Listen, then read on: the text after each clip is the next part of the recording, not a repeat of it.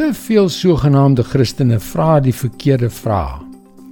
In plaas daarvan om te wonder oor hoe hulle God deur hulle onberispelike lewe gaan eer, vra hulle hulself af: "Waarmee kan ek wegkom?"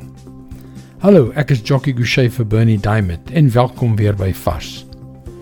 Miskien dink jy ek is krities en veroordelend.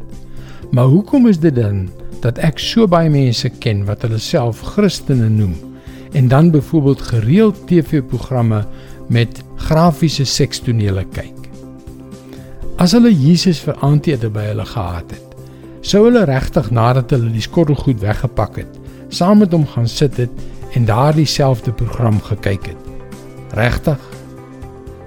O, Bernie, jy is so godsdienstig, net 'n fariseer, so uitvoering met die lewe.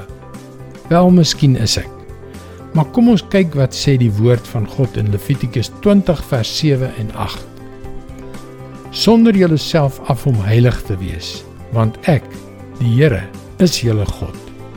Hou my gebooie en wees gehoorsaam, want ek is die Here wat julle heilig maak.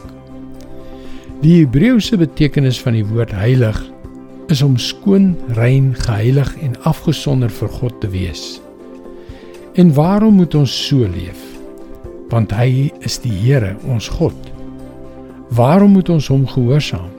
Omdat hy ons Here is wat op ons lewenspad saam met ons wil werk deur ons te heilig. In beide gevalle is die antwoord op die waarom vraag omdat hy die Here ons God is. Is hy is hy werklik die Here van jou lewe?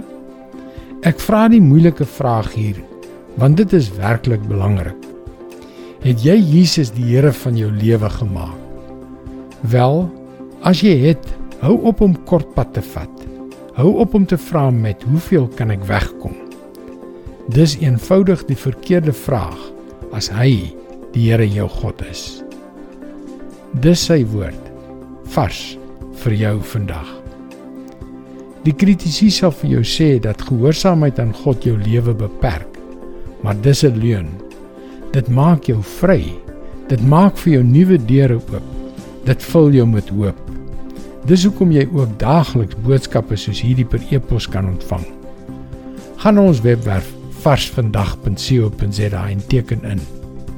Luister weer maandag op dieselfde tyd op jou gunstelingstasie na nog 'n vars boodskap.